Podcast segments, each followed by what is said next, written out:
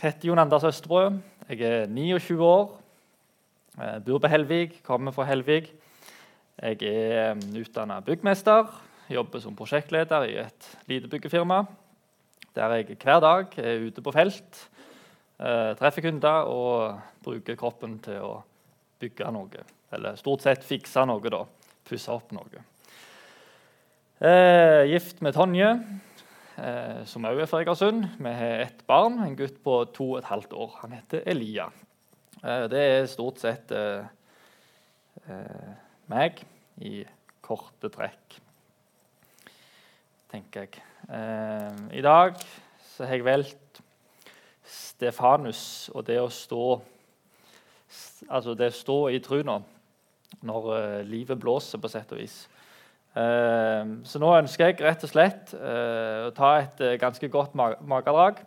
Så skal jeg lese historien om Stefanus. Det er ganske mye, så jeg ber dere bare prøve å følge med.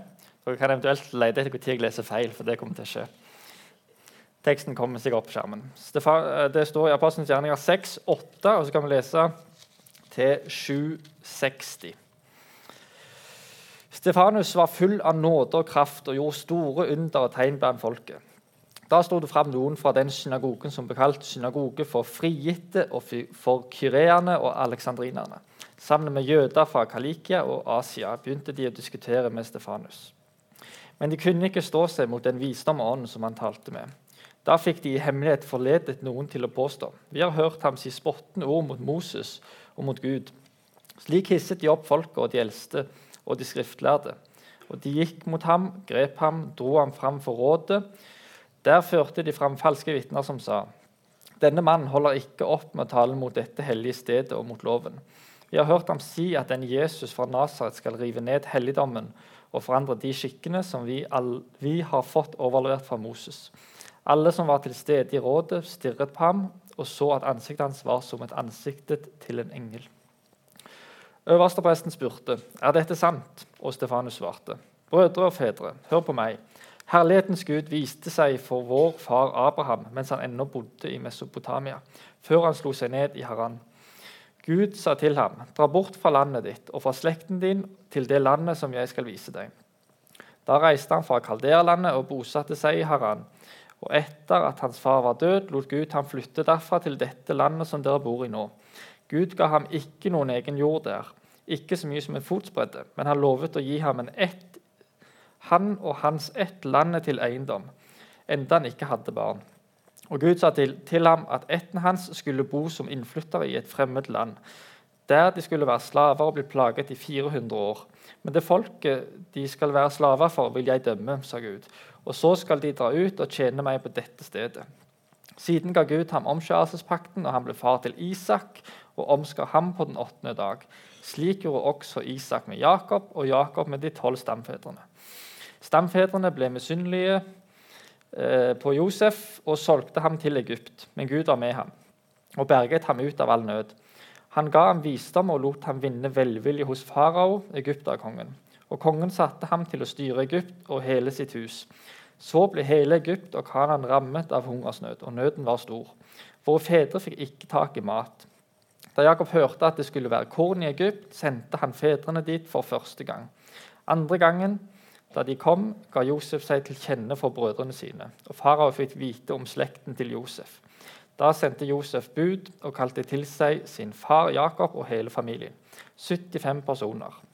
Så reiste Jakob ned til Egypt, og der døde både han og fedrene våre. De ble ført til Sikhem og lagt i den graven Abraham hadde kjøpt av Hamors sønner i Sikhem og betalt med sølv. Tiden nærmet seg da Gud skulle innfri det løftet han hadde gitt Abraham. Folket hadde vokst og var blitt tallrikt i Egypt. Det sto fram en ny konge i Egypt, en som ikke visste om Josef.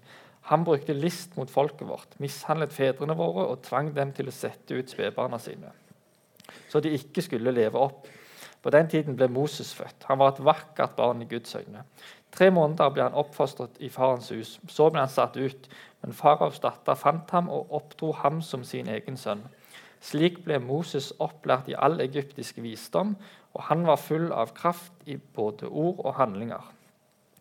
Da han hadde fylt 40 år, fikk han inderlig lyst til å besøke sine landsmenn, israelittene. Og Da han så en, en som ble mishandlet, kom han mannen til hjelp. Han slo egypteren i hjel, så, han, så han som var blitt mishandlet, fikk sin rett. Han trodde at hans landsmenn skulle forstå at Gud ville bruke ham til å redde dem, men de skjønte det ikke. Neste dag støtte han på to menn som sloss. Han prøvde å forlike dem og sa, 'Dere er jo brødre. Hvordan kan dere gjøre ondt mot hverandre?'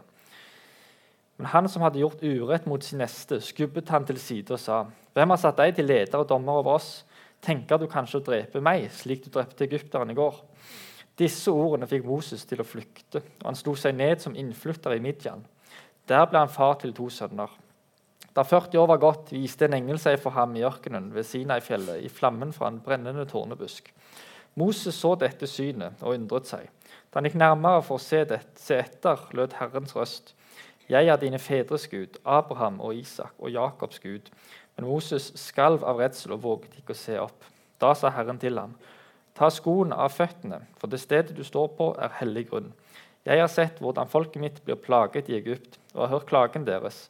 Jeg har steget ned for å fri dem ut. Gå nå, jeg sender deg til Egypt. Denne Moses som de forkastet da de sa, 'Hvem har satt deg til leder og dommer?' Nettopp han sendte Gud som leder og redningsmann. Og til hjelp skulle han ha engelen som viste seg for ham i tornebusken. Den samme Moses førte dem ut og gjorde under og tegn i Egypt ved Rødehavet, og 40 år i ørkenen. Det var han som sa til israelittene.: Gud skal la det stå fram en profet som meg blant dere, en av deres egne brødre.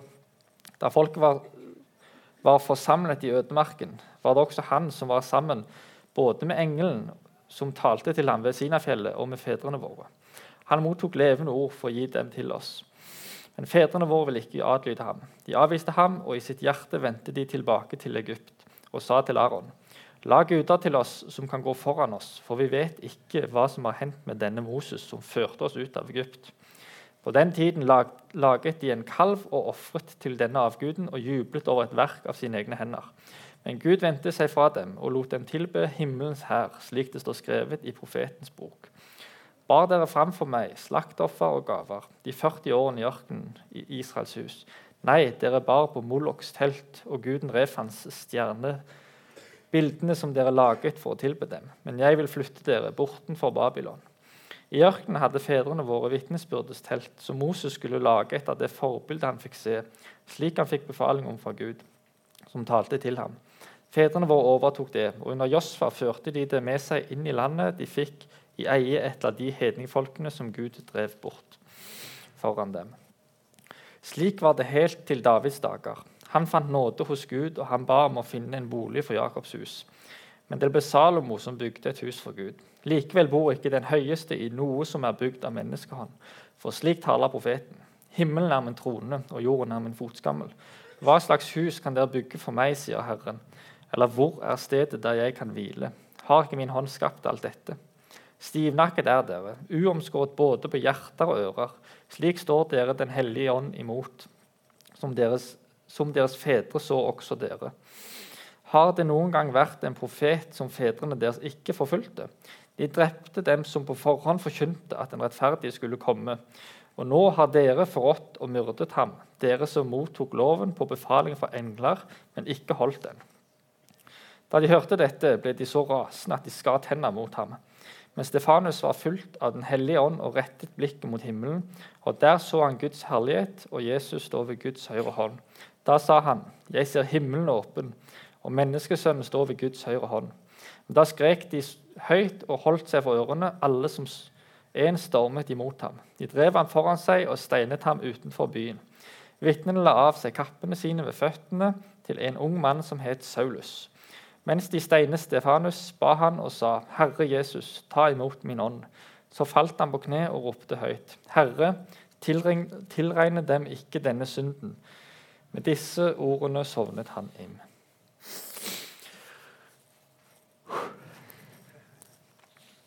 Det var eh, det meste du finner om Stefanus i apostlenes gjerninger. Eh, det er den lengste talen i hele apostlenes gjerninger. Eh, og en tale som skiller seg veldig ut. Det kommer vi litt til. Eh, hvem var Stefanus? Stefanus var en gresktalende jøde. Han ble valgt som en av sju diakoner i menigheten i Jerusalem. Eh, og Han var en mann som var fullt av nåde og kraft, står der, og at han gjorde store tegn og under i denne menigheten og ute blant folket. Stefanus var nok en mann som på sett og vis skilte seg ut. Eh, og, og, Det gjorde at han ble anklaga eh, for å tale spottende mot eh, Moses og mot Gud. Eh, og han talte altså mot det hellige sted, står det. Altså, han talte mot tempelet. Eh, gjerne da med en referanse om at Jesus skulle på en måte bli det nye tempel. At han var det vi skulle tilbe, og ikke være i tempelet som et sted. Eh, da kom altså en eh, synagoge som ble kalt synagogen for frigitte kyreere og aleksandrinere sammen med jøder fra Kalikia og Asia. Hva vil det si? Dette var altså mennesker som kom for det som kalles diasporaen. Det var mennesker som eh, altså Diaspora betyr spredt. Mennesker som var spredt utenfor Israel. Eh, mennesker som snakket gresk, mest sannsynlig. Helenister kalles det òg. De kom og anklagte Stefanus. Eh, og Så tar de han og så fører de han fram for rådet i Jerusalem. og Der fører de anklager mot ham. Uh, Stefanus han får disse anklagene, og han velger ja, takk. Han svarer med en tale. Uh, den lengste talen som sagt i hele apostelens gjerninger. Uh, nesten alle andre taler er forsvarstaler. De forsvarer troen sin altså, som inneholder fire punkter i de talene. Det er en innledning, et budskap om Jesus, en appell til omvendelse og et skriftvitnesbyrd for Gamle testamentet. Stefanus han gjør ikke det når han blir anklaget for dette. Han velger først å ta for seg historien til Israel med eh, å, å, knytte hele den historien opp mot et løfte om en som skal komme. Og Så ender han hele denne historien hele Israels historie med å anklage tilhørerne eh, for å ha tatt livet av Messias, denne profeten som de gikk og venta på. Så Vi kan altså dele talen i to deler, tenker jeg. Eh, eh, utover det. Det er folkets avvisning av Guds sendebud og altså løfter som ble gitt gjennom historien, og hvordan disse har blitt oppfylt. Eh, eksempler på disse som blir avvist, som Stefanus tar for seg, det er Josef. Josef som ble solgt av sine brødre eh, eh, som slave til Egypt. Eh, Moses, som du hørte, han, ble, han var liksom utpekt som redningsmannen. Men eh, de andre israelittene ville ikke ha noe med han å gjøre. Han rømte ifra dem. Han ble redd. Og selv når han hadde bringt israelsfolket ut av Egypt, så vendte de seg mot han og lagde en avgud. For de, valgte, altså de tenkte at hvor er han hen? Altså, han er jo ikke her og hjelper oss akkurat nå. Eh, så han òg avviste de. Eh, og, og, og, så har du òg da eh, Jesus som ble forrådt og myrda. Og her anklager Stefanus menneskene i Jerusalem for å stå bak dette. Uh, ja Det var for så vidt ikke så veldig viktig. Uh, mens det som går på løfteoppfyllelser, ser du tidlig tall. For han begynner å nevne Abraham allerede i andre setningen. Løftet om etterkommere, at Abraham skulle komme, at det skulle komme folk etter Abraham. Uh, og så er det oppfyllelsen av det i Isak Jakob og slekta etterpå. Uh, og så har du et løfte om at de skal bo i et fremmed land, at de skal komme seg ut av det landet. Uh, og, og, og, så er det spesielt løftet om at det skal komme en profet. Som er på en måte striden, altså kjernen i hele denne striden. Det er denne profeten. Eh, Stefanus Besteina eh, han blir sett på som den første martyr. Eh, det var på en måte Først jeg leste talen, så har jeg snakket litt om den. Og jeg vil bare si noen små ting rundt dette. Eh, for det som Jeg tror det sto på nett òg, så det ble på en måte bana vei for meg at det skulle handle om forfølgelse, og det står i trua. Eh, for når Stefanus blir steina, så starter det en forfølgelse i Jerusalem. Uh, og, så kan vi lese at uh, nesten alle, ble, alle de kristne ble fordrevet fra Jerusalem utenom menighetens leder, altså apostlene, noe som virker veldig rart. Men da er det det som kom inn som er viktig med at eh, Stefanus var gresktalende. Eh, og det, dette, De som gikk imot han var også gresktalende. Mest sannsynlig var det de gresktalende som ble forfulgt. Og Det var der forfølgelsen starta i Jerusalem. I den gresktalende delen av den kristne menighet. Hvorfor er det viktig? Jo, for med denne forfølgelsen så spredte evangeliet seg ut fra Jerusalem, utover Israel og utover landegrensene. Menneskene som ble forfulgt, de snakket gresk. De kunne kommunisere med mennesker utføre Israels land. Når de kom ut, så valgte de å ta med seg evangeliet, og de fortalte om dette til menneskene de møtte. Eh, ja Og her starta på en måte, Det var startskuddet for misjonsvirksomheten. Det starta med dette, med denne forfølgelsen. Og Jeg har forstått det sånn at dere skal snakke litt om misjonen de neste ukene, så jeg tenkte da er jo dette en fin plass å begynne. Der det faktisk begynte. Misjonen begynte med Stefanus. Jeg som menneske er ganske lite representativ når det gjelder forfølgelse. Eh, for det er noe jeg opplever svært lite av i min hverdag. Eh, så jeg føler meg egentlig sånn sett lite verdig når det gjelder å snakke om forfølgelse. For eh, jeg, jeg, kan gå ganske rolig i uka, og ting kan gli ganske greit uten at det, det at jeg er en kristen, ødelegger min hverdag sånn sett, eller at jeg kjenner på en frykt for det. Men det er oppsiktsvekkende da for Det eneste jeg kan gjøre, det er å lese om hvordan folk har det når de blir forfulgt, og lese om hvordan forfølgelse faktisk er i verden. Eh, det, der kommer sånne rapporter fra Open Doors, åpne dører, hvert år. Den kommer 17.1 i år. Eh, der de for, altså, viser hvordan forfølgelse av kristne utvikler seg, og hvor det er farligst å være, altså De tar for seg de 50 farligste landene i verden, tror jeg, og setter opp en liste over det. Og Rapporten fra i fjor viser faktisk at én av sju kristne i verden opplever kraftig forfølgelse. 360 millioner mennesker opplever å bli forfulgt for det de tror på. Eh, og det er litt det som jeg syns er interessant med det. Eh, det, altså, det, er det at Tenk så mange som sitter for her eller i Norges land som ikke opplever det. For hver sju som vi sitter der, så er det en i et annet land som faktisk opplever forfølgelse. Vi er så velsigna her i Norge for at vi ikke opplever så stor altså den type forfølgelse som mange i verdens land gjør. Eh, og, det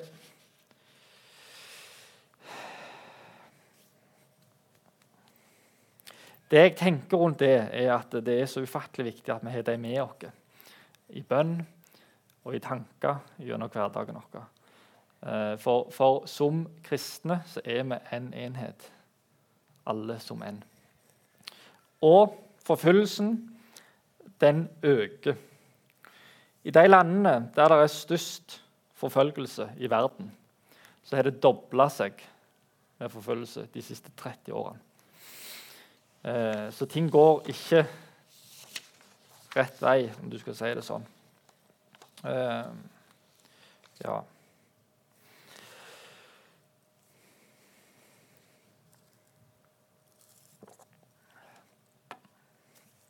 Stefanus han sto sterkt i trua si når han møtte forfølgelsen, han møtte disse anklagene. Så sto han beinstrøtt og rakrygga mot det han ble anklagt. Eh, av og til så tenker jeg hva hadde jeg gjort hvis jeg hadde vært sånn som han? Eh, for det, det, det, altså, det, er klart at det enkleste er jo bare å roe det ned og liksom kanskje snakke ting litt vekk og tenke at ja, men vi, vi kommer jo til en enighet i dette. når vi kan på en måte lande litt. Men Stefanus han sto på sitt, og det tror jeg at vi òg må tåre å gjøre. For, for, det budskapet som vi har fått, det som står i Bibelen, uh, det er så viktig. Og, og, på en måte uh, Den sannheten vi har der, den, den, kan forandre liv. Og det, det, må vi på en måte ta med oss når vi blir møtt med anklager som kan være sterke, og de kan være svake. Jeg sa jeg jobber som uh, tømrer.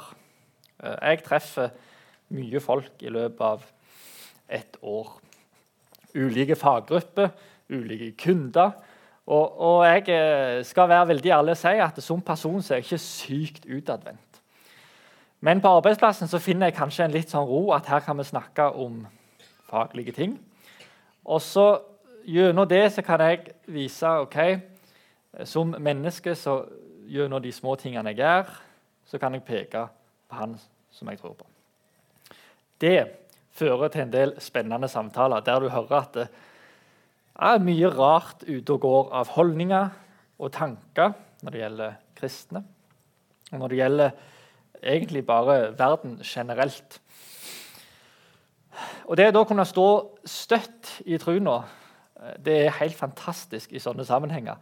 Der du på en måte kan peke på han og løfte blikket og, og vise det at ja, ok, som kristne så er vi gjerne ikke så sykt spesielle som veldig mange tror. Vi er egentlig ganske normale på mange områder, men vi har et himmelvendt blikk og et himmelvendt fokus som drar oss gjennom livet. Uh, ja Vi er ikke kalt til å vike for god stemning, har jeg skrevet.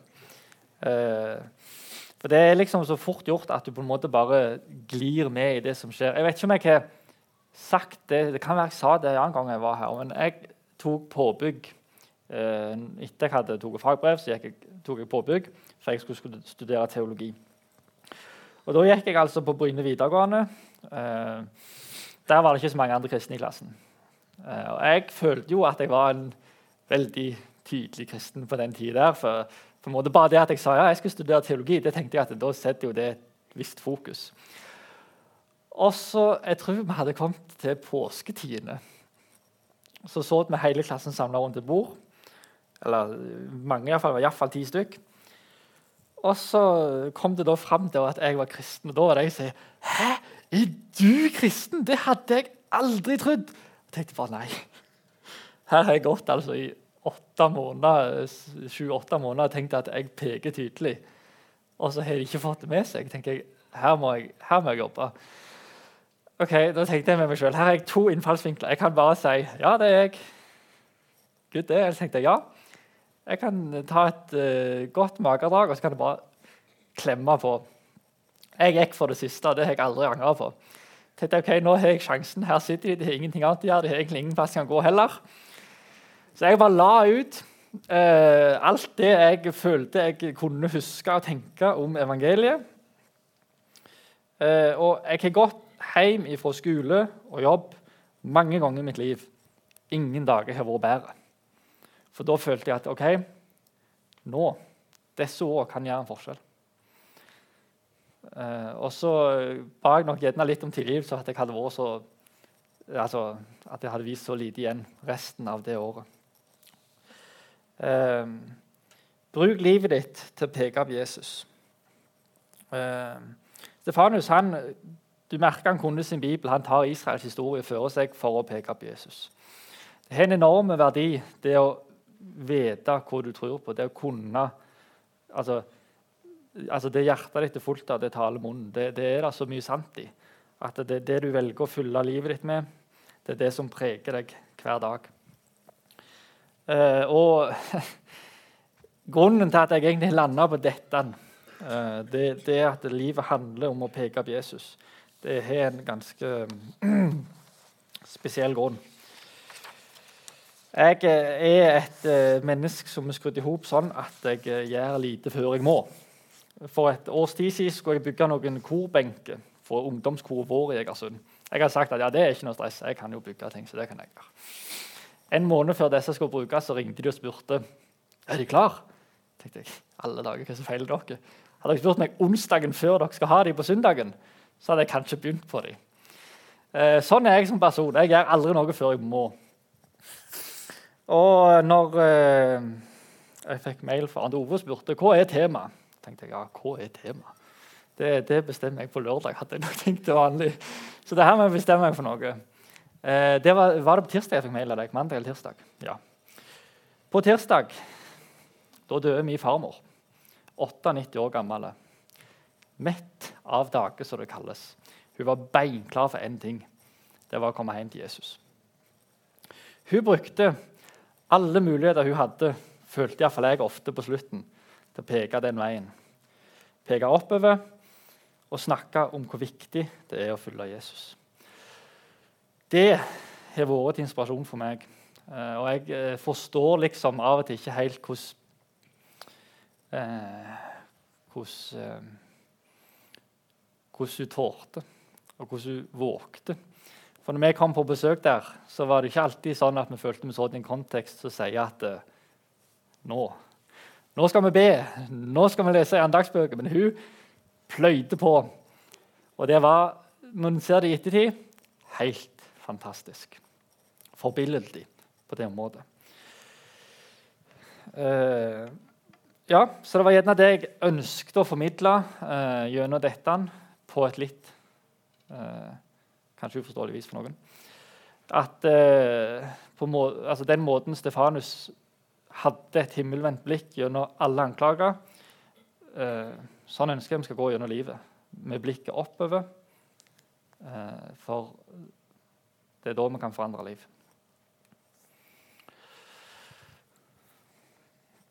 Herre, jeg eh, takker deg for uh, ditt ord.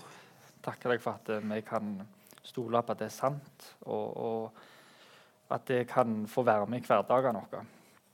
Jeg ber Herre for alle de som opplever at uh, livet ikke alltid er så lett. Jeg opplever at det å følge deg, det koster dyrt. Jeg ber for deg.